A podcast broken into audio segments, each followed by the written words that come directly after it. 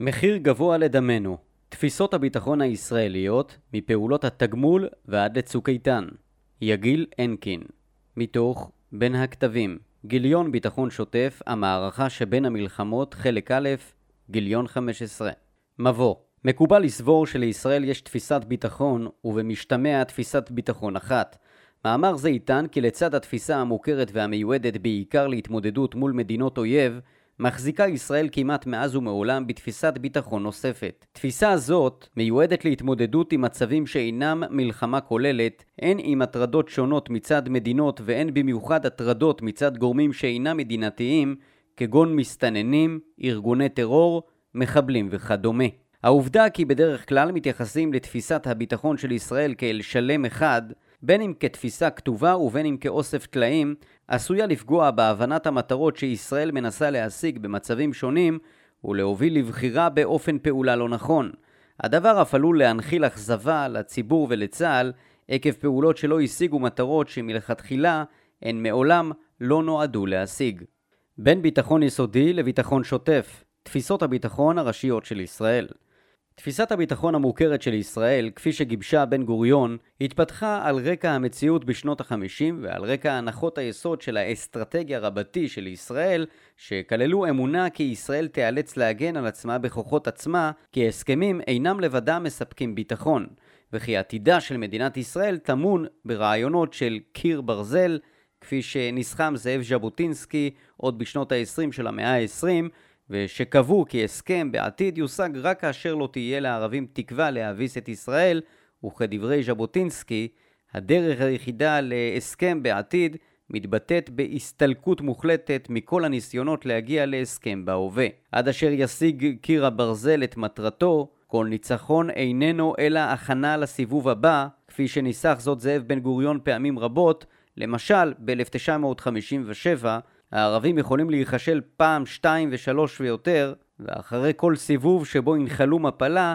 ייתכן סיבוב נוסף, ובסיבוב זה עדיף לישראל להיות זו שתפתח באש ראשונה. על בסיס זה התפתחה התפיסה הידועה בציבור בצורה מתומצתת כהרתעה, התראה והכרעה.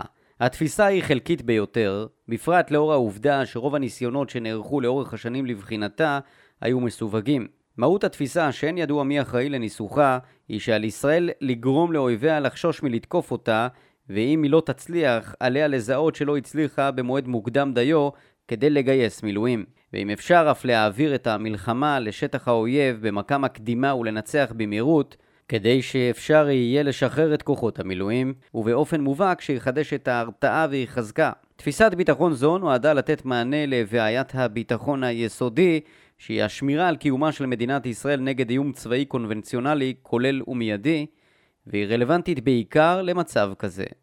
אולם, רוב הזמן התמודדה ומתמודדת ישראל עם בעיה אחרת, ביטחון שוטף, כלומר מסתננים, חבלנים וכיוצא באלה. כדי להתמודד עם בעיה זו נולדה תפיסת ביטחון נוספת ומשלימה שאולי אינה מנוסחת פורמלית, אבל ביטוייה השונים נאמרו בגלוי ואפשר לראות בקלות כיצד היא מנחה חלק נכבד מההתנהגות הישראלית לאורך השנים. את התפיסה באשר לביטחון השוטף ניסח בצורה הברורה ביותר משה דיין, ולצורכי נוחות היא תיקרא תפיסת דיין, למרות שלבן גוריון ולדיין יש מניות בכל אחת מתפיסות הביטחון, ולמרות שאת שורשיה אפשר לראות עוד בטרם קום המדינה. בסופו של דבר ניסח דיין את התפיסה בצורתה הברורה ביותר, ומיסד אותה זמן קצר לאחר מלחמת העצמאות כדרך פעולה של צה"ל. ב-18 ביוני 1950, בישיבת סיעת מפא"י, אמר דיין, אז מפקד פיקוד הדרום, השיטה היחידה שהוכיחה את עצמה כיעילה, לא כמוצדקת ומוסרית, אלא כיעילה, כאשר ערבים מניחים מוקשים אצלנו, אם אנו מנסים לחפש את אותו ערבי, הרי אין לזה ערך. אך אם מפגיזים את הכפר הקרוב על כלל תושביו, ועל ידי זה מתעוררת גם הממשלה המצרית והעבר ירדנית למנוע מקרים כאלה. בעקבות פעולת קיביה בסוף 1953 והתגובות שנפוצו בעולם עליה, החליף צה"ל מדיניות והחל לפגוע במשטרה ובצבא של המדינות מערכות המסתננים במקום בכפרים עצמם. וכך ב-1955 ניסח דיין את תפיסתו בצורה מעודכנת בהרצאתו פעולות התגמול כאמצעי להבטחת השלום. אין בידינו למנוע רצח עובדים בפרדס ומשפחות בשנתן, אך יש בכוחנו לקבוע מחיר גבוה לדמנו, מחיר יקר כדי שכדאי יהיה ליישוב הערבי, לצבא הערבי ולממשלות הערביות לשלמו. בדומה לכך טען הרמטכ"ל יצחק רבין בדיון מטכ"ל ב-1965 כל תפיסת הביטחון שלנו זה לא להיות חזק בכל מקום, אלא שהערבים יודעים שעל כל מכה שלהם הם יקבלו על הראש. הרעיון כי מדובר בתפיסה משלימה לתפיסת בן גוריון בוטה על ידי דיין באותה הרצאה מ-1955 לניצחונותינו ולכישלונותינו בקרבות זעירים לאורך הגבול ומעברו נודעת חשיבות רבה בהשפעתם על הביטחון השוטף, על הערכת הערבים את כוח ישראל ועל אמונת ישראל בכוחה, הכרעות לאי הסתכסכות עם ישראל תבואנה רק אם יהיה לערבים יסוד להניח שאחרת ייתקלו בתגובות חריפות ויגררו אותנו לסכסוך אשר בו תהיה ידם על התחתונה. בין התפיסות הגם שתפיסת דיין ללחימה מול איום שאיננו איום כולל ומיידי משלימה לתפיסת בן גוריון, יש כמה הבדלים בולטים בין התפיסות. תפיסת בן גוריון עוסקת במלחמה ובהרתעה מפניה, ובמקרה הצורך הכרעה מיידית של הכוח הצבאי המאיים. לעומתה תפיסת דיין מניחה מראש יעילות חלקית של הגנה ואינה עוסקת בהכרעה מיידית של איום מוגדר. זאת במיוחד מפני שבהתמודדות מול גורמים שאינם סדירים, בדרך כלל אין אויב מסודר שניתן לאתר ולהכריע במהירות באמצעות השמדתו המהירה או בהבסת כוחו הצבאי. תפיסה זו גם עוסקת פחות בהתראה ההופכת מעשית פחות ככל שהיריב מסודר פחות, שכן מול גורמים שאינם מדינתיים קשה מאוד להתריע, אפילו כשמדובר בארגון מחבלים מסודר, ודאי כשמדובר בתאים קטנים או במסתננים המחליטים אקראית לבצע פיגוע. יתר על כן, ברור שמבחינת העומד על הכף, יש הבדל גדול מאוד בין התראה לצורך מניעת פיגוע והתראה לצורך מניעת פלישת צבא זר.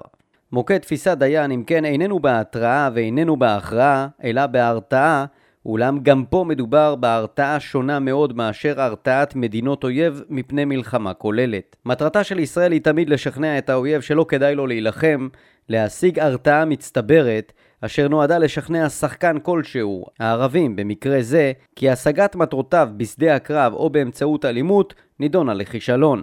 אך הדרך שונה מאוד והיא תלויה ביריב שעימו מתמודדים. במקרה של מדינה הרצון הוא להשיג הרתעה בסיסית אשר נועדה למנוע מלחמה כוללת, ובמקרה של כישלון ההרתעה לפגוע מיד פגיעה קשה בכוח צבאי המאיים, על מנת להחזיר את המצב לקדמותו. ואילו במקרה של גורם לא מדינתי או הטרדות מצד מדינה שאינן מגיעות לגדר מלחמה, הרעיון הישראלי מתבסס על יצירת הרתעה באמצעות פעולות מתמשכות נגד האיום, על מנת שריבוי הפעולות ירתיע לבסוף את היריב מלהזיק לישראל. בתוך רעיון זה ניתן לזהות שתי גישות בסיסיות. אחת, פגיעה בבעל הכוח, גם אם הוא איננו אחראי ישירות לפעולה נגד ישראל, כדי לשכנעו לא להפעיל את כוחו, ובכך למנוע פגיעה בישראל, למשל פגיעה במצרים או בירדן, כדי שימנעו הסתננות משטחן. 2. פגיעה ישירה בגורם התוקפני באופן שאומנם לא צפוי להביא להשמדתו, אך עשוי לשחוק בהדרגה את כוחו. גישות אלו יכולות לשמש לגמול או לענישה נקודתית, אולם מבחינה אסטרטגית, הרעיון נרחב יותר. רצף של פשיטות, מכות אש או פעולות תגמול ישיגו הרתעה שוטפת, והיא תוביל בסופו של דבר להרתעה מצטברת. משמעות ההבדל בין תפיסת בן גוריון, התמודדות עם הביטחון היסודי, לבין תפיסת דיין, ההתמודדות עם הביטחון השוטף, היא שמטרה אחת אמורה להיות מושגת באמצעים הפוכים ממש. מול איום יסודי מיידי, צבא בקנה מידה מלא העלול להיות מעוניין לפלוש, המטרה הישראלית המיידית הייתה בדרך כלל למנוע הסלמה. פעולה צבאית אמורה הייתה לבוא רק כאשר ברור היה כי האויב מחפש הסלמה. אולם מול מחבלים, מסתננים וארגוני טרור ושולחיהם, ביקשה ישראל לא פעם דווקא להסלים את המצב כדי למנוע הסלמה. אם מחבלים מכים בנו, נכה בהם או בשולחיהם או באחראים עד שהמחיר על המשך פעולותיהם יהיה יקר מכדי שכדאי יהיה להם לשלמו. הדוגמאות לחשיבות מציאת הכתובת מאחורי הפוגעים בישראל, להבדיל מפעולה ישירה כנגד אלה הפוגעים בישראל, חזרה והופיעה בהצהרות של קצינים, מדינאים וחוקרים לאורך השנים. כך למשל הצהיר הרמטכ"ל יצחק רבין בריאיון ראש השנה המפורסם שלו לבמחנה ב-1966.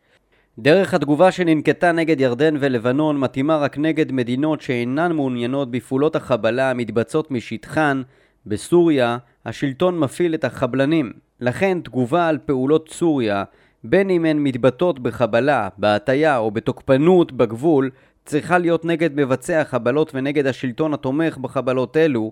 המטרה, שינוי החלטת השלטון וסילוק מניעי הפעולות. כך למשל טען אלוף משנה במילואים דוקטור שמואל גורדון במהלך מלחמת לבנון השנייה כי סוריה היא הכתובת ולכן מטרתה של ישראל צריכה להיות הסדר מעל השולחן או מתחתיו אם בעל הבית בזירות הצפוניות והדרומיות ובעל הבית אינו בביירות אלא בבירה השכנה דמשק. אין זו דוקטרינה חדשה משנות החמישים ועד היום הרעיון שלפיו על ישראל למצוא כתובת של האחראית האמיתית למתרחש ואז להכות בה עד שיהיה שקט ולאו דווקא לפגוע רק או בעיקר בגורם המפעיל את האלימות כנגד ישראל הוא קו מרכזי בחשיבה הישראלית.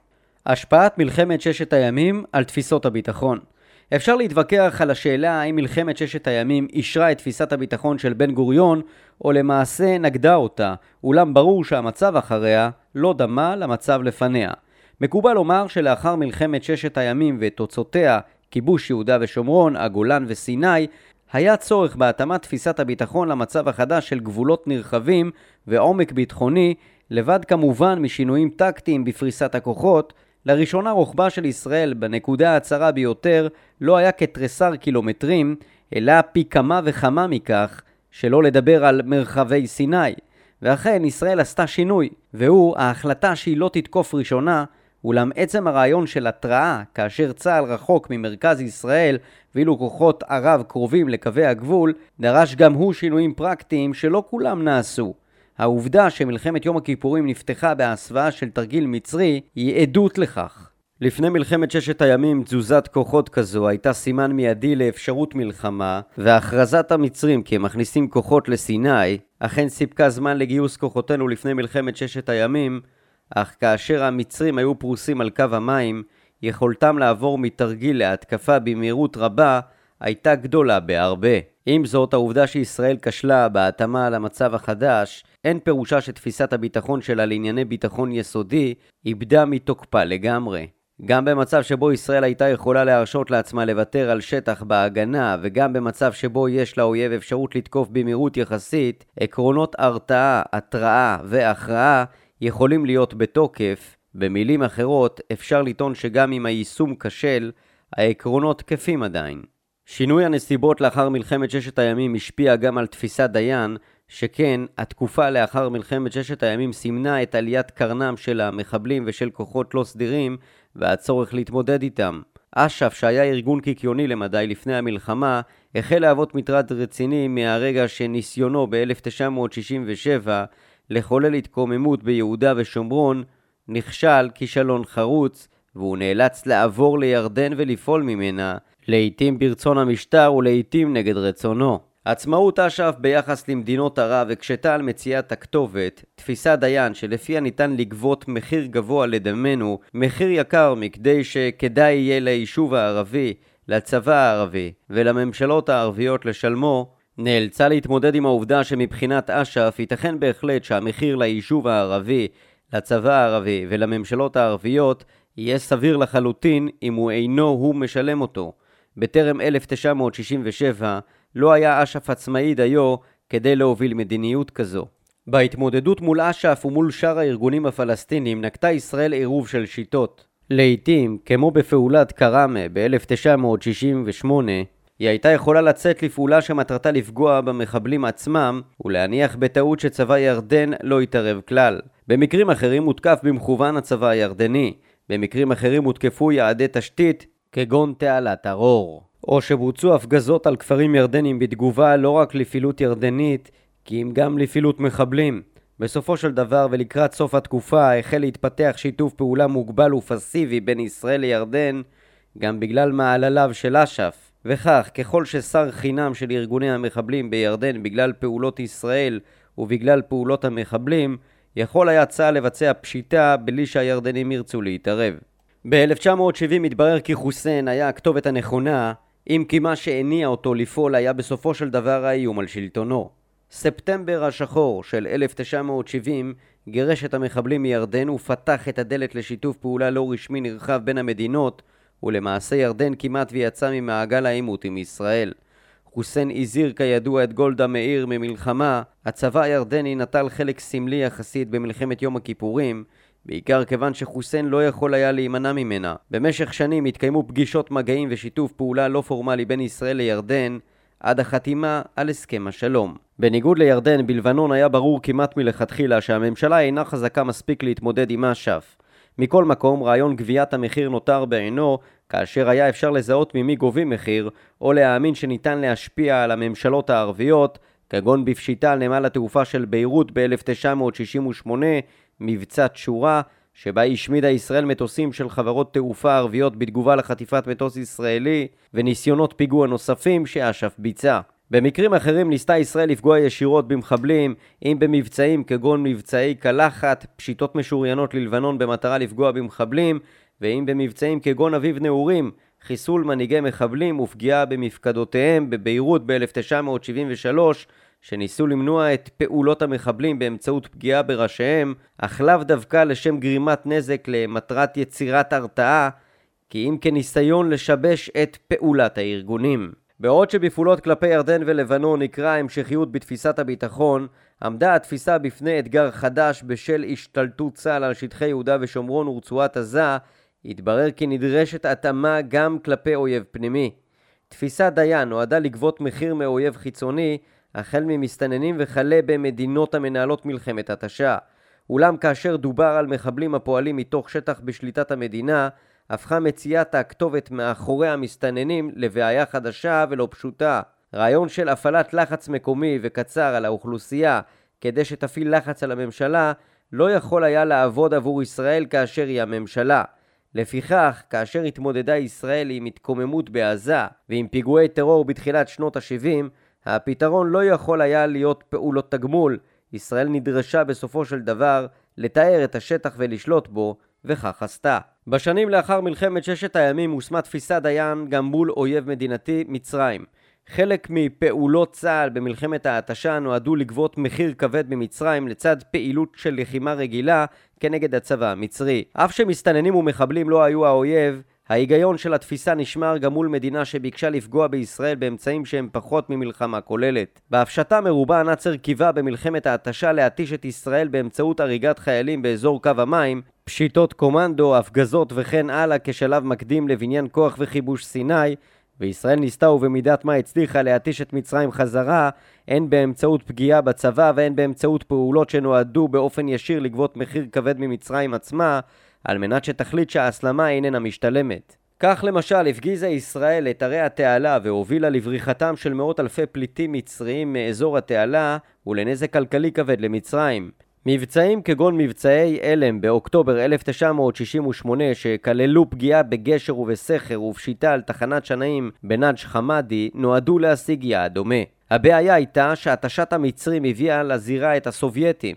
בלשונו של ההיסטוריון יואב גלבר, התוצאה העיקרית של הפצצות העומק הייתה פנייה של מצרים אל ברית המועצות להעמיק ולהגביר את מעורבותה במלחמה.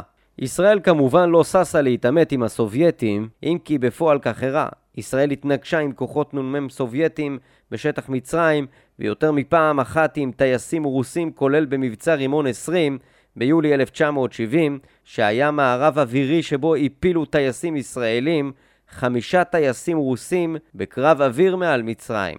הרמטכ"ל רב-אלוף חיים בר-לב השתמש כבר ב-1969 בהגיונו של דיין בדברו על אסקלציה לצורכי דה-אסקלציה לגבי מצרים, ומאוחר יותר הוא השתמש באותו ביטוי גם לגבי ברית המועצות. אם לא ניתן היה למנוע את ההתערבות, ביקשה ישראל לחזור ולהשיג הרתעה על ידי השיטה הוותיקה, הסלמה לצורכי מניעת הסלמה. בסופו של דבר, לאחר שחיקה ולאחר הסלמה בקיץ 1970, נאחזה ישראל בגיבוי מארצות הברית כדי לבלום את הסובייטים ובהצעה האמריקאית להפסקת אש כדי להוביל לסיום מלחמת ההתשה. ההתערבות הסובייטית הייתה תוצאה לא רצויה בעליל, אך נראתה חריגה. תפיסת דיין נותרה בעינה. גם אם יתברר שפעולה לפיה עלולה להוביל להסתבכות צבאית מול מעצמה, הסתבכות שתפיסתו של בן גוריון רצתה להימנע ממנה כמעט בכל מחיר, התפיסה של אסקלציה לצורכי דה-אסקלציה לא השתנתה. לאחר מלחמת יום הכיפורים, מפעולות תגמול לפעולות למטרת הסדר. באופן פרדוקסלי אפשר לטעון שהשפעת מלחמת יום הכיפורים הייתה רבה יותר על תפיסת דיין מאשר על תפיסת בן גוריון, למרות שהיא התנהלה מול צבא סדיר, והמשבר היה תוצאתו של פעולות מדינות מצרים וסוריה באמצעות צבאן, ובשום אופן לא פעולות בלתי סדורות. ההדגש המפורסם על כישלון המודיעין במלחמת יום הכיפורים הוביל לאמונה הנפוצה כאילו ניתנה ההתראה בזמן וריבוי הסימנים המקדימים מעיד שהיא הייתה יכולה להינתן בזמן, הייתה המלחמה נראית אחרת. במילים אחרות התפיסה הייתה בסדר, אך הביצוע היה כושל. לעומת זאת, שינוי המצב הגיאופוליטי במזרח התיכון השפיע מאוד על פעולותיה של ישראל נגד גורמים לא מדינתיים. כפי שפירטתי במאמר אחר לאחר מלחמת יום הכיפורים, עבר ההדגש של האסטרטגיה רבתי הישראלית משיתוף פעולה ובריתות לא פורמליות להסתמכות על הסכמים. ישראל הייתה מוכנה להוציא חלק מנושא הביטחון למיקור חוץ, היינו להסתמך על כוחות זרים יותר מאשר בעבר, כדי שיישאו בחלק מן האחריות לביטחונה. אמנם תמיד חיפשה ישראל, ובדרך כלל לא בהצלחה, בריתות הגנה וסיוע צבאי, ובאורח קבע היא ביקשה להסתמך על ערבות בינלאומית לחופש השיט בים סוף לכיוון אילת וממנה. בזמן מלחמת סיני אף התעקש בן גוריון למקם בישראל טייסות צרפתיות להגנת שמי המדינה. אולם השינוי מאז יום הכיפורים פתח את הדלת להסתמכות על גורמים אחרים כדי שיבטיחו את ביטחונה של ישראל לאורך זמן. אפשר שהדוגמה הראשונה היא הצעתו של שמעון פרס במהלך השיחות שהובילו להסכם הביניים של 1975 כי חיילים אמריקאים יוצבו במעברי הג'ידי והמיתלה ככוח החירום של המעברים בין ישראל למצרים כוח לוחם שבניגוד למשקיפי האו"ם מן העבר, יהווה מכשול אמיתי בין הצדדים, שכן פגיעה בהם תפתח עימות מול מעצמה. לפי תפיסה זו נועדו החיילים האמריקאים גם כדי להילחם במקרה הצורך הלא סביר, על מנת למנוע חיכוך בין הצדדים.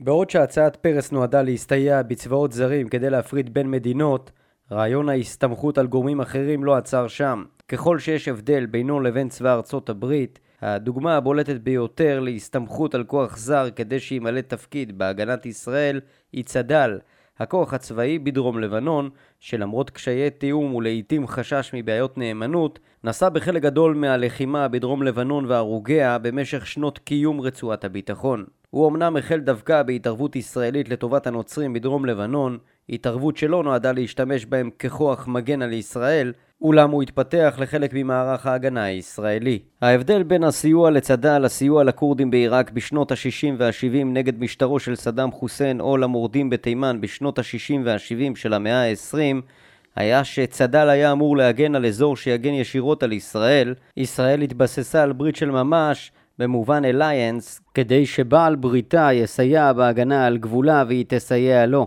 לדבר זה הייתה השפעה מהירה על הפעלת הכוח של ישראל. ב-1978 עוד בטרם קם צד"ל, אך לאחר תחילת הקשר עם הנוצרים בלבנון, הגיבה ישראל לפיגוע אוטובוס הדמים בכביש החוף ביציאה למבצע אבי החוכמה, הידוע יותר כמבצע ליטני, מבצע זה ייצג תפיסה שונה מתפיסת דיין. בשונה מרבות מפעולות התגמול הרגילות, מטרתו של המבצע לא הייתה העברת מסר לכתובת כלשהי, והסיבות לכך ברורות. על רקע מלחמת האזרחים בלבנון, אש"ף היה הכתובת היחידה שניתן היה להשפיע באמצעותה על אש"ף, לא ממשלת לבנון, חלק ממפקדי צה"ל סברו שהסורים היו כתובת כזו, אולם חמש שנים לאחר מלחמת יום הכיפורים, לא ששה ישראל לתקוף את סוריה בתגובה לפעולות אש"ף מלבנון. בהתאם לכך, פעולת צה"ל נועדה הן לפגוע באש"ף כדי לשלול ממנו יכולת לתקוף את ישראל, והן לסייע לנוצרים בדרום לבנון. גל הפליטים שנוצר במהלך המבצע לא היה יעד, אלא תוצאת לוואי של הלחימה, וזו, בניגוד לפעולות תגמול בעבר, נמשכה למעלה משבוע, יותר ממבצע סיני או ממלחמת ששת הימים, בטרם החל שלב הנסיגה, ודמתה יותר בהרבה לפלישה ישראלית כללית. מבצע ליטני נועד מבחינת ממשלת ישראל בשלב הראשון להיות פעולת עונשין מוגבלת, לשחרר את המובלעות הנוצריות מסכנת כיבוש ולהרחיק את המחבלים, אך בשלב השני הכוונה היא הייתה להתמקם בדרום הלבנון עד להשגת הסכם מדיני. טרם פתיחתו טען שר החוץ דיין, ודעתו התקבלה על דעת רוב הנוכחים בישיבת הממשלה, אך לא נרשמה כמדיניות רשמית, כי אין בו טעם אלא אם ישיר בידי ישראל נכסי דלוניידי. בתוך זמן קצר חזר בו דיין וביקש לסגת. הרמטכ"ל מוטה גור ציפה כי הנוצרים בדרום יהיו חלק ממנו וימלאו בו תפקיד פעיל. לא בהתקפה אלא בהתארגנות על מרחבים חדשים, והפעולה נועדה גם להימנע מהתנגשות עם הסורים או הכסת האמריקאים. הרמטכ"ל ציין כי כולם הדגישו את הצורך לעמוד נגד לחצים אמריקאים, אך איש לא קבע כיצד נסיים את המבצע. האם לחזור הביתה עם השלמת ההשמדה של בסיסי המחבלים כפי שעשינו בעבר, אחרי פשיטות, ולו גם גדולות, או האפשרות האחרת להישאר בשטח. בתוך ימים ספורים הודיע שר הביטחון כי ישראל מתכוונת להישאר בדרום לבנון עד שיושג הסדר שירחיק את אש"ף אל מצפון לליטני, במטרה, כפי שהגדיר זאת, שדרום לבנון לא תהיה מה שהייתה עד היום, נימת הדיון, מציין מחקר צה"לי בנושא, הייתה שאין זה מבצע רגיל של תגובה או גמול, אלא ישראל תשאף להסכם. הגם שכפי שציין הרמטכ"ל, איזה הסכם, עם מי, על כך לא ניתנה תשובה. ב-15 במרץ 1978 הצהיר ראש הממשלה בגין כי צה"ל יישאר בדרום לבנון עד אשר יושג הסכם עם הגורמים הבאים בחשבון, וישראל ביקשה מארצות הברית לפעול להשגת הסדר בינלאומי. כלומר, מבצע ליטני לא היה עוד חוליה במסורת פעולות התגמול, אלא חיה אחרת לגמרי, פעולה גדולה למטרת הרס תשתיות אויב והרחקתו מן הגבול. ישראל נדרשה להיכנס לשטח ולתארו, כיוון שהרעיון בשורש תפיסת דיין לגרום לכך שהממשלה תתעורר כדי למנוע הסתננויות ורציחות לא היה יכול להתגשם כאשר בפועל לא הייתה ממשלה וישראל לא הייתה מוכנה בשום אופן להתייחס לאש"ף כגורם שאפשר לקבל דה פקטו את שליטתו בשטח. ויותר מכך, מבצע ליטני היה פעולה שמטרתה הסכמית. במקום להרתיע את הכתובת, חיפשה ישראל להגיע להסכם עם גורם שיוכל לאחר ההסכם להוות כתובת כזו, בין אם הוא מקומי ובין אם הוא כוח בינלאומי. העובדה שלא היה ברור עם מי משיגים הסכם לא מנע מישראל לחפש אותו, וחיפוש זה העיד על השפעתה של האסטרטגיה רבתי החדשה שלאחר מלחמת יום הכיפורים, ששמה את ההדגש על ביטחון באמצעות הסדר, אפילו פעולות ישראל נועדו מעתה להשגת הסדר. מלחמת לבנון הראשונה אף היא, בקנה מידה גדול בהרבה ממבצע ליטני, נועדה בגרסתה הרחבה להסתיים בהסכם שלום.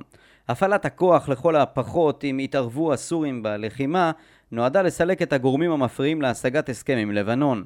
העובדה שהתברר כי לבנון איננה ישות המסוגלת לקיים הסכם בר קיימא עם ישראל, אמנם העידה על מגבלות תפיסת ההסדרים ועל כך שגם אם יש אמת בקלישאה כי כל מלחמה מסתיימת בהסכם, ולא כך הוא, הנה לא תמיד מי שמוכן לחתום על הסכם הוא מי שיכול לספק את הסחורה. מלחמת לבנון התאימה יותר לתפיסה של הכרעה מאשר לתפיסת דיין מפני שהיא לא הייתה פעולת תגמול ומפני שאש"ף בלבנון היה גורם חצי סדור לכל הפחות והסורים סדורים לגמרי וכיוון שכדי שתהיה כתובת היה צריך להרחיק את אש"ף והסורים ואפילו אז התברר שיש כמה וכמה כתובות יריבות בלבנון. אין פירוש הדבר שפג תוקפה של תפיסת דיין בחשיבה הישראלית, אלא שהיא שינתה את צורתה.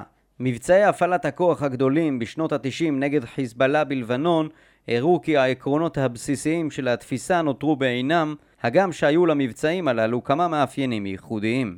כמו בעבר, היו אלה מבצעים שנועדו להסלמה למטרת מניעת הסלמה. מבצעי האש בלבנון באו כתגובה על הסלמה בלחימה בין חיזבאללה לישראל, והם נועדו להפעיל לחץ כדי למנוע המשך ההסלמה.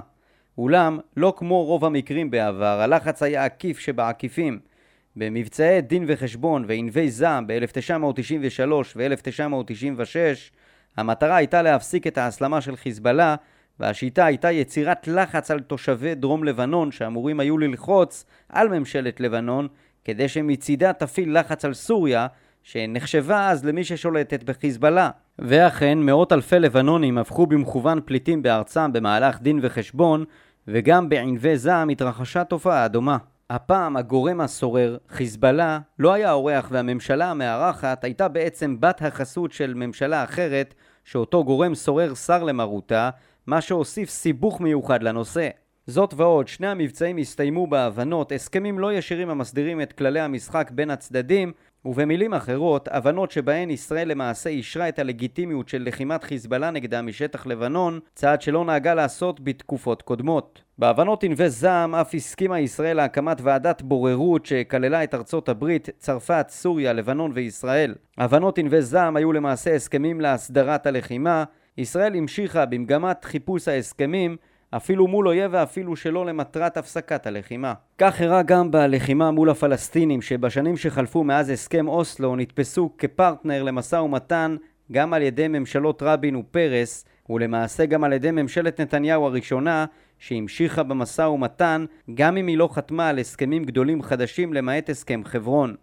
למעשה, עד לאחר חומת מגן, ישראל עדיין חיפשה כתובת, עדיין פעלה להסלמה לצורך מניעת הסלמה, ועדיין האמינה בינואר 2001, כדברי אלוף משה יעלון, סגן הרמטכ"ל דאז, כי המתרחש הוא באמת התנגשות בין אינטרסים שונים שאמור להיות מוכרע, כנראה אחרי עימותים בשטח, בהסכם. בספרו דרך ארוכה קצרה כתב רב אלוף במילואים משה בוגי יעלון כי כמפקד פיקוד המרכז הוא סבר שכאשר תבוא המלחמה מול הפלסטינים תפקידנו במלחמה יהיה לאלץ את ערפאת לחזור אל המנהרה בעל כורחו לנטוש את נתיב האלימות ולשוב אל הנתיב המדיני. הלחימה נועדה להביא לתהליך מדיני. אך ההסלמה מול הפלסטינים לא הובילה למניעת ההסלמה, אלא להסלמה נוספת. שאלת האחריות להסלמה לא תידון כאן, ואין הכוונה להאשים את ישראל בהסלמה הפלסטינית. רק לאחר שהתברר כי כתובת לא תביא את הפתרון, וההסלמה איננה מביאה אי הסלמה, יצא צה"ל ב-2002 למבצע הכרעה, חומת מגן. המבצע לא נועד לשכנע כדברי דיין כי המחיר גבוה מכדי לשלמו, אלא להשתלט על השטח כדי להשמיד תשתיות טרור ולבסוף להכריע את הטרור. למעשה, כישלון הניסיון להפעיל את תפיסת דיין מול הטרור הפלסטיני אילץ לבסוף את ישראל לצאת למבצע הכרעה. לסיכום, בתקופה שלאחר מלחמת יום הכיפורים הפכה תפיסת דיין לחלק מתפיסת הפעולה נגד גורמים לא מדינתיים, או במצב שאיננו מלחמה אמיתית, ולא תמיד היא הייתה התפיסה המובילה.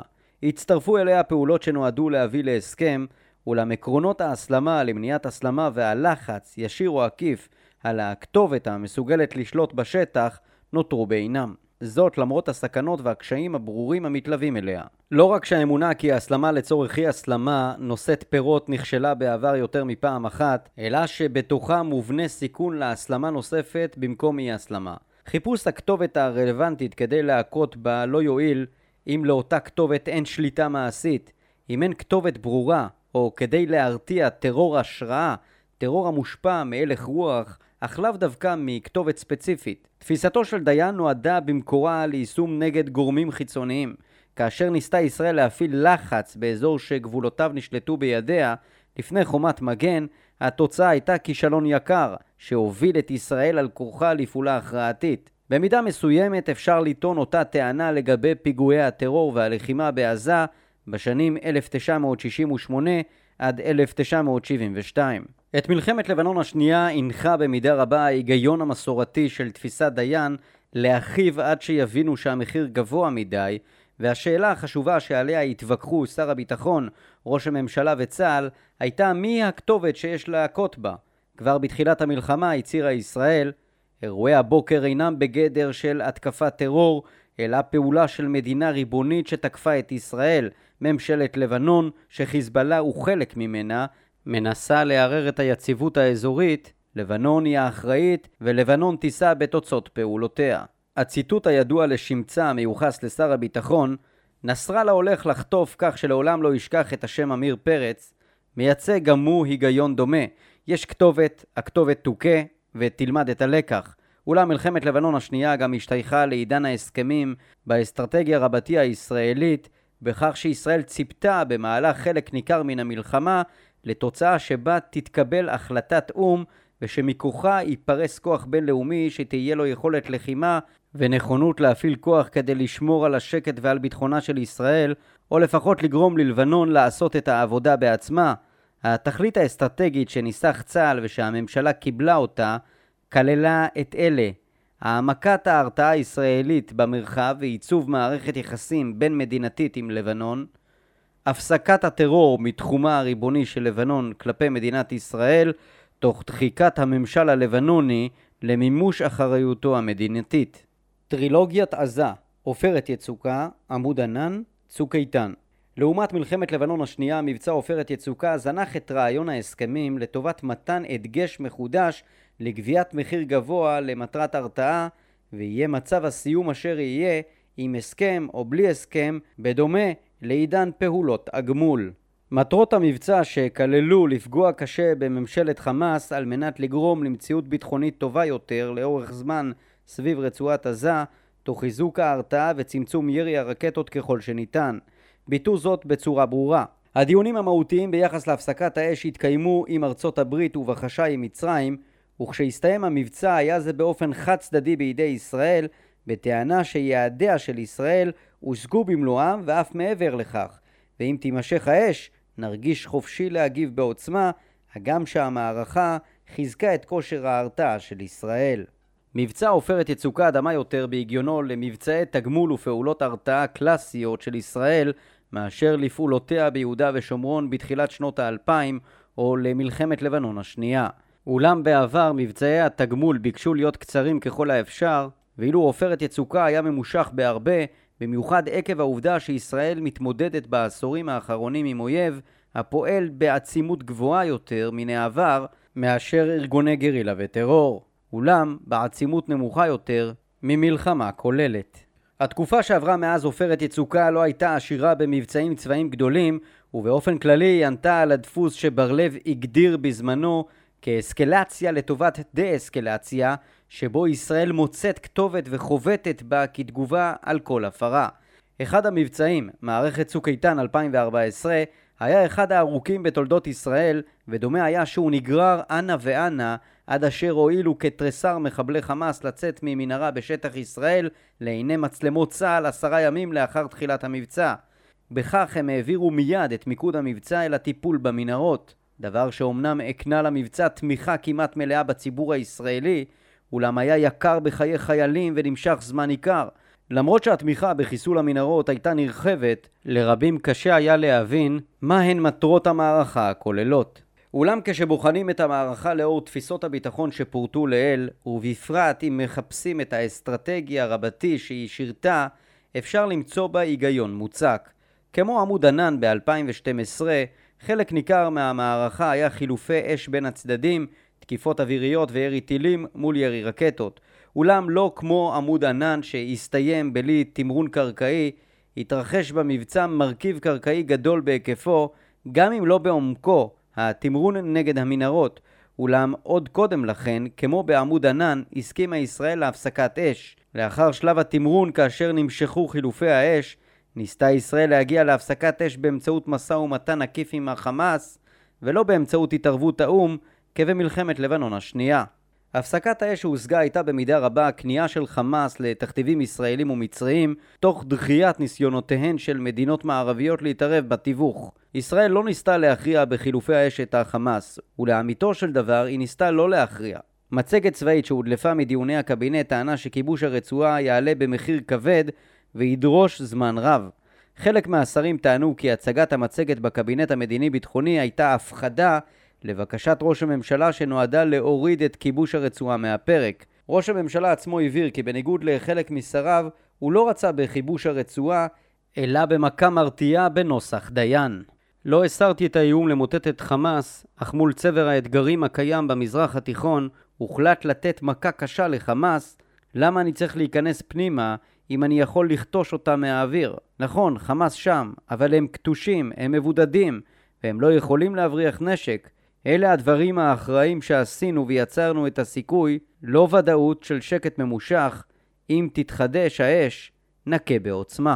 לאור העובדה שישראל אכן חיפשה הפסקת אש בטרם החל שלב הלחימה נגד מנהרות, נראה שקביעות אלו אמינות. אם כן, ישראל חיפשה סיום למערכה שבה חמאס מוחלש, אך לא ממוטט.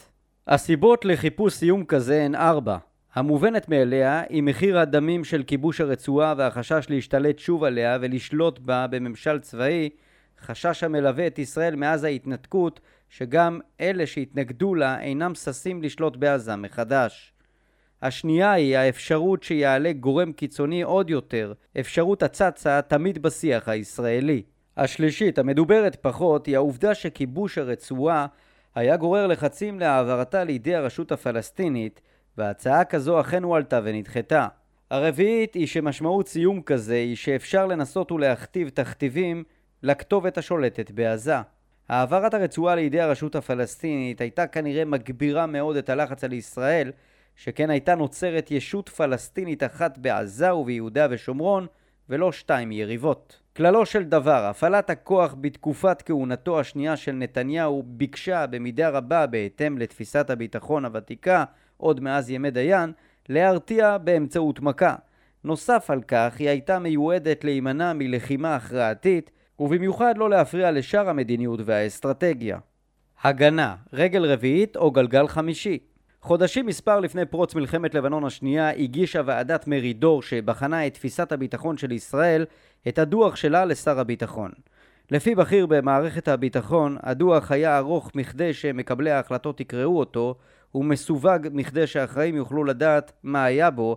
תפיסה זו, כאחרות מסוגה, לא הוגשה לממשלה ולא אושרה בידיה. למרות מגבלה זו, המסמך חולל שינוי גדול אחד. הוספת התגוננות לעיקרי תפיסת הביטחון הישראלית המוצהרת. ראיה כי מדובר בשינוי החשוב ביותר ניתן למצוא בקובץ מאמרים המוקדש לאסטרטגיית צה"ל שפורסם בגרסה לא מסווגת ב-2016. באותו קובץ מזכירים מספר מאמרים את ועדת מרידור ובכל אחד מהמקרים מובאת אותה דוגמה בדיוק להדגמת השפעתה, תוספת ההתגוננות. הוספת מילה אחת לסיסמה, סלוגן, בת שלוש מילים, אולי לא נראית כשינוי גדול מדי, בפרט כאשר היעדרן לא מנע מישראל בעבר לנקוט בהגנה ובהתגוננות כשהדבר התאים לנסיבות, אולם לאמיתו של דבר מדובר בערעור התפיסה כולה. מטבעה, ההגנה נועדה למנוע הכרעה ולא להכריע, ולכן תוספת עיקרון ההתגוננות מוסיפה אמנם גמישות לדרג המדיני, אולם היא עלולה לערער את המחויבות להכריע, ובמיוחד להכריע במהירות, ומאפשרת בתנאים מסוימים להימנע מכך. גם ההרתעה באמצעות ענישה, בניגוד להרתעה באמצעות מניעה, יוצאת ניזוקה מעקרון ההגנה-התגוננות. ככל שמערכת ההגנה יעילה יותר, האויב יכול להניח במידה רבה של צדק כי נעדיף להתגונן מלתקוף, ולפיכך ההרתעה באמצעות ענישה נשחקת. בפרפרזה על דברי דיין באותה הרצאה מ-1955, אם יש ביכולתנו להבטיח כל צינור מים מפיצוץ וכל עץ מהעקירה, אזי אין צורך לקבוע מחיר גבוה לדמנו, אלא פשוט לדאוג שלא נשלם מחיר מלכתחילה. נוסף על כך, עצם קיום ההתגוננות כעיקרון יסוד סותר את התרבות ההתקפית שמדינת ישראל טיפחה בצה"ל ושצה"ל עצמו עדיין מחויב רשמית אליה. ב-1967, לפני מלחמת ששת הימים, קיבל אלוף אריק שרון פקודה להגן על פתחת ניצנה. אלוף שייקה גביש, מפקד פיקוד דרום דאז, תיאר לימים כיצד מצא כי שרון הכין תוכנית התקפית והקשה עליו, אתה קיבלת פקודה להגן ואני רואה מפה עם התקפה. לכך ענה שרון, בוודאי. מה, אני מגן? אני תוקף? תפיסה כזו ששרון לבסוף שכנע בה את גביש ושהובילה לקרב המהולל באום כתף, תתקשה לעמוד בכפיפה אחת יחד עם תפיסה הרואה את ההגנה או את ההתגוננות כעיקרון יסוד. יש הטוענים כי כך המצב כבר בפועל והתרבות המקדשת את ההתקפה למעשה כבר איננה קיימת בצה"ל. כך למשל תת-אלוף תמיר ידעי ואלוף משנה ערן אורטל טענו אי הרצון של ישראל לתמרן על מנת להכריע הוא כל כך חזק עד שהתמרון פשוט איננו מהווה מנוף איום אמין דיו. אם כך, מה שעשתה ועדת מרידור הוא לתת לגיטימציה לתהליך שכבר התרחש. ואכן, בתחום אחד אפשר להצביע על המשכיות. כל תפיסת העימות המוגבל וההוגה ששלטה בצה"ל בתחילת שנות האלפיים היא תפיסה הגנתית בעיקרה, תפיסה של מלחמת התשה המוכרעת לא באמצעות הכרעה אלא באמצעות שחיקת היריב מן הצד האחד ובייחוד תודעתו אפילו בלי לשחוק את יכולתו ומניעת שחיקה כזו אצלנו מן הצד האחר. ועדת מרידור חיזקה וקיבה רעיונות שכבר שימשו בשנים הקודמות, הגם שחומת מגן היה מהלך לכיוון השני בדיוק. הביטוי הברור ביותר של תפיסה הגנתית כזו הוא התארכות המבצעים הגדולים, כפי שאפשר היה לראות ממלחמת לבנון השנייה ועד צוק איתן. אם בעבר ישראל ניסתה לסיים סכסוכים בתוך ימים ספורים ולהשיג הישגים בכוחות עצמה בטרם התערבו המעצמות והקהילה הבינלאומית, כיום היא לעיתים מנסה להאריך את העימות עד אשר יתערבו המעצמות והקהילה הבינלאומית כדי לכפות תנאים הנוחים לה. הסיבות לכך אינן בהכרח הגנתיות ושינוי המערכת המדינית בעולם הוא כמובן חלק חשוב וחורג מתחומו של מאמר זה. חלק מהסיבות הן גם טכניות. מבצעים מבוססי אש ולא תמרון נרחב דורשים זמן רב כדי להכריע, אם הם בכלל מכריעים. המערכה בקוסובו ב-1999 היא דוגמה נוספת לכך. אולם היכולת לצמצם נזק לעורף הישראלי לרמה הנחשבת נסבלת בעיני מקבלי ההחלטות היא קריטית, כדי שיהיה אפשר לנקוט מהלך כזה. כמובן מערכות נגד אויב הפועל באורח שאינו סדור נטו תמיד להיות ארוכות. המאבק במסתננים נמשך שנים וכמוהו המאבק במחבלים שנמשך עשורים. עצם תפיסת דיין מניחה שפעולות גמול הן פרק בספר ארוך של מערכה נגד אויב שאינו סדור. אלא שבעבר שיאי הספר המבצעים הגדולים נטו להיות קצרים יחסית. כפי שנאמר לעיל, גם השגת התערבות והסכם כמטרה אינה לגמרי חדשה. כבר במבצע ליטני ב-1978 חיפשה ישראל הסכם וכמוהו בהבנות ענבי זעם ודין וחשבון. אולם כל שלושת המבצעים יחד היו קצרים יותר ממלחמת לבנון השנייה ומצוק איתן, ושלושתם יחד היו ארוכים יותר מעופרת יצוקה שהיה ארוך מכל אחד מהם בנפרד. צוק איתן כמערכה שבה שאפה ישראל בין היתר לא להכריע את החמאס, מראה עד כמה עקר הניסיון לקחת את שלוש הרגליים המיוחסות לתפיסת הביטחון של בן גוריון, להוסיף להם התגוננות, לכוון אותן ליעד שמלכתחילה לא נועדו לו, ולהעמיד פנים שמדובר באותה תפיסה. ההתגוננות הייתה אכן עיקרון יסוד בצוק איתן שהצליח בצורה מרשימה, אולם התגוננות היא פעולה נלווית לחלקים האחרים של תפיסת הביטחון ולא חלק מרכזי העומד בפני עצמו. אם ההתגוננות תוכל לעמוד בפני עצמה, אזי הרתעה והכרעה רלוונטיות פחות, וההתראה כמעט איננה רלוונטית. ואם היא מיועדת לסייע לתפיסת דיין, היינו לשימור העורף בזמן מאבק התשתי שאיננו מלחמה רגילה, אזי אין לטעון שהיא מוסיפה רגל נוספת דווקא לתפיסת בן גוריון. אפשר שהבעיה היא שבעוד שתפיסת הביטחון של ישראל להתמודדות עם אויבים שאינם מדינתיים נשענת ברובה על תפיסת דיין ולא על תפיסת בן גוריון, הרפורמות כוללות בדרך כלל שינוי של תפיסת בן גוריון דווקא בלא התייחסות לכך שבזמנים שאינם מלחמה ההיגיון המנחה את ישראל שונה ולמרות שהתגוננות מתאימה יותר כחלק משלים לתפיסת דיין. סיכום מאמר זה טען שישראל מחזיקה ביותר מתפיסת ביטחון אחת בהתאם לאיום שאיתו מיועדת כל תפיסה להתמודד. בעוד שעקרונות התפיסה נותרים ללא שינוי רב, כיוון שסוגי האיום הבסיסיים נותרו דומים יחסית, הדרך שבה הם מופעלים צריכה להשתנות בהתאם למטרה שאותה הם משרתים. מבצע מיועד לסייע בהשגת הסכם צריך להתנהל אחרת ממבצע מיועד לסייע בהשגת סטטוס קוו. מבצע שלא נועד להשיג הכרעה יותיר אחריו תסכול רב עם הצבא, שלא לדבר על הציבור, מתקשה להבין את מטרות המבצע ואת האסטרטגיה שאותה הוא משרת. הפער בין המוצר לבין המצוי, הקיים בכל מדיניות פוליטית ולעיתים מסיבות טובות, עשוי להקשות על גיבוש תפיסה ביטחונית ועל ביצועה, והשאלה באיזה פתרון צבאי בוחרים מושפעת כמובן מאוד מהשאלה עם איזו תפיסה אסטרטגית מגיעים אל הבעיה. פרסומה של אסטרטגיית צה"ל ב-2016 מסייע אמנם להעביר את השאלה כיצד רוצה צה"ל לפעול וכיצד הוא רואה את הסכסוך, אולם יישום אסטרטגיית צה"ל תלוי במטרות שלשמן מעוניינת מדינת ישראל להפעיל את הצבא. הצבא איננו אמור ליישם את האסטרטגיה שלו במנותק מהמטרות שאותן מכתיבה הממשלה. העובדה שישראל מחזיקה בפועל בתפיסות ביטחון משלימות, או חלקים שונים של תפיסה, אינה בעייתית. שכן, כל אחת מיועדת למקרה שונה. האחת למלחמה מול צבאות סדירים, והשנייה לניהול הביטחון השוטף במחיר שישראל יכולה לעמוד בו, ובשאיפה במחיר שהיריב אינו יכול לעמוד בו, הבעייתיות נובעת מכך שיש נטייה לערבב בין התפיסות, במיוחד אם אומרים בן גוריון אך עושים דיין, ולפיכך השינויים בתפיסת הביטחון מתבצעים לא בהכרח במקום המתאים, לא בהכרח בצורה המתאימה, ולא בהכרח למטרה הנכונה. באותה מידה הציפייה להכרעה בהתאם לתפיסת בן גוריון במערכה מתמשכת שמטרתה גביית מחיר בהתאם לתפיסת דיין היא ציפייה עומדת למעשה בסתירה לתפיסה שמכוחה מנוהלת אותה מערכה. כך נוצרת מאליה אי התאמה בין היעדים המערכתיים לבין יעדים האסטרטגיים. והאכזבה מהתוצאות הטקטיות של מבצעים היא כמעט נתונה מראש. הכרה בסוג התפיסה השולטת בכל רגע נתון תסייע להבין מה מדינת ישראל מעוניינת להשיג ומה היא איננה מעוניינת, או אינה חושבת שיש טעם לנסות להשיג בכל מצב, ואולי גם מתי עליה לזנוח תפיסה אחת ולעבור לתפיסה אחרת.